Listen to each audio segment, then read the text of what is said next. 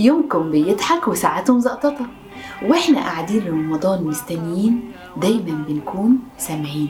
لصوته وفرحانين وبسرعة نكون ملبيين وكمان محتفلين. في الراديو والتلفزيون سامعين وشايفين بزينة الشهور والسنين.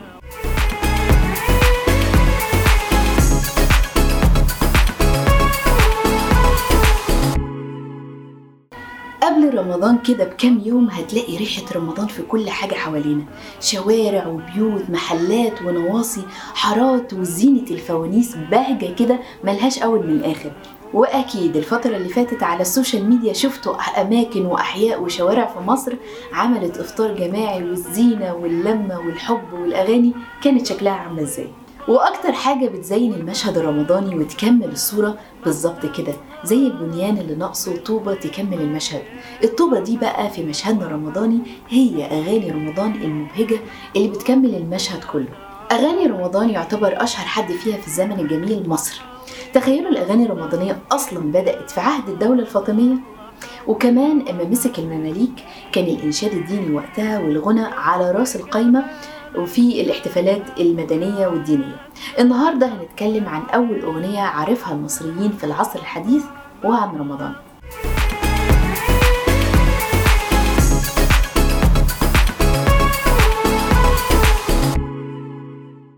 مع نشأة الإذاعة المصرية سنة 1934 بدأت الإذاعة تبدع في الاحتفالات الرمضانية بس تخيلوا إن تاريخ أغنيتنا النهاردة بيرجع لقبل كده بسنين كتير جدا. هنتكلم دلوقتي عن أغنية وحاوي يا وحاوي. للمطربة عزيزة حلمي واللي كانت سنة 1907 وحوي يا وحوي كانت كلمات محمد حلمي المنسترلي وألحان أحمد عبد القادر وبيتقال إنه أحمد الشريف هو الملحن القديم من أيام عزيزة حلمي.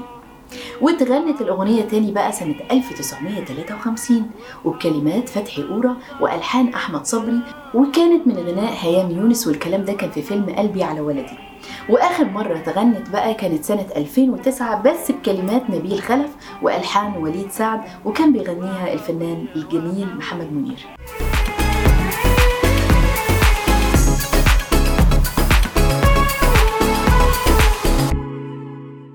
كتير سألت نفسي عن فكرة الاحتفالات الرمضانية. هي إمتى بدأت؟ لقيت إنها بدأت في عصر الدولة الطولونية. كان بيخرج الناس على الجامع الكبير اللي بناه أحمد بن طولون وحواليهم 12 من المكبرين وبيبدلوا مع بعض طول الليل.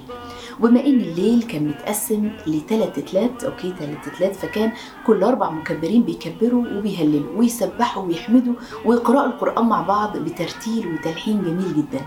يعني موضوع الاحتفالات الرمضانية ده ما طلعش جديد ولا حاجة ولا مستحدث من الستينيات ولا السبعينيات ولا بعدهم.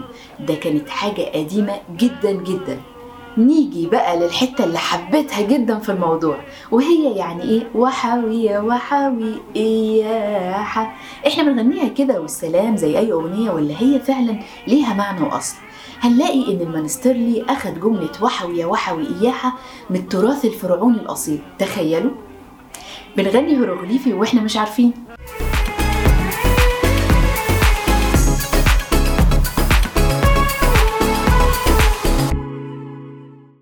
الحدوتة بدأت في أواخر السنة 18 قبل الميلاد.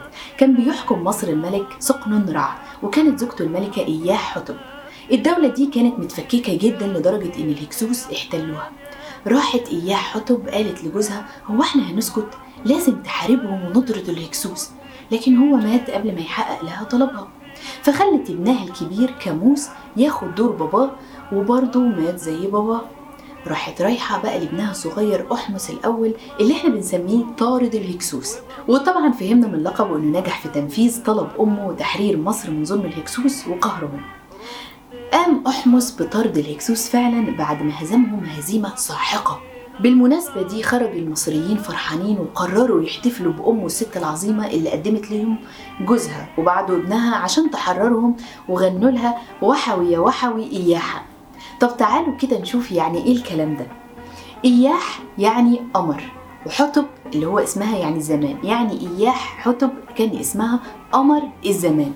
وكلمة وحوي يعني فرحة وبيتقال إنها أيوح مش إياح وبكده يبقى معنى فرحي فرحي يا قمر وده عشان صدقها في تحرير مصر وفدائها بزوجها وابنها الكبير شفتوا المعاني جميلة وغريبة في نفس الوقت قد إيه؟ وحوي يا وحوي إياحة وكمان وحوي إياحة إيه رأيكم في حلقة النهاردة؟ يا ريت تقولوا لي رأيكم في التعليقات وما تنسوش المحتوى دوت والمعلومات دي توصل لأكبر عدد من الناس بال like و share. وما تنسوش تتابعوني على مواقع التواصل الاجتماعي بتاعتي ريم صبري first أشوفكم مع بطل جديد وحلقة جديدة من أبطال المسرح الرمضاني. ليكم مني كل الحب. رمضان سعادتي مع ريم صبري. برنامج رمضان سعادتي برعاية شركة Empower أول شركة وتطبيق للصحة العقلية والنفسية للشباب في الشرق الأوسط. ولو عايزين تستمتعوا بحلقات برنامج رمضان سعادتي بالصوت تقدروا تسمعوا الحلقات الصوتية على أنغامي Spotify Apple Podcast Google Podcast SoundCloud Amazon Podcast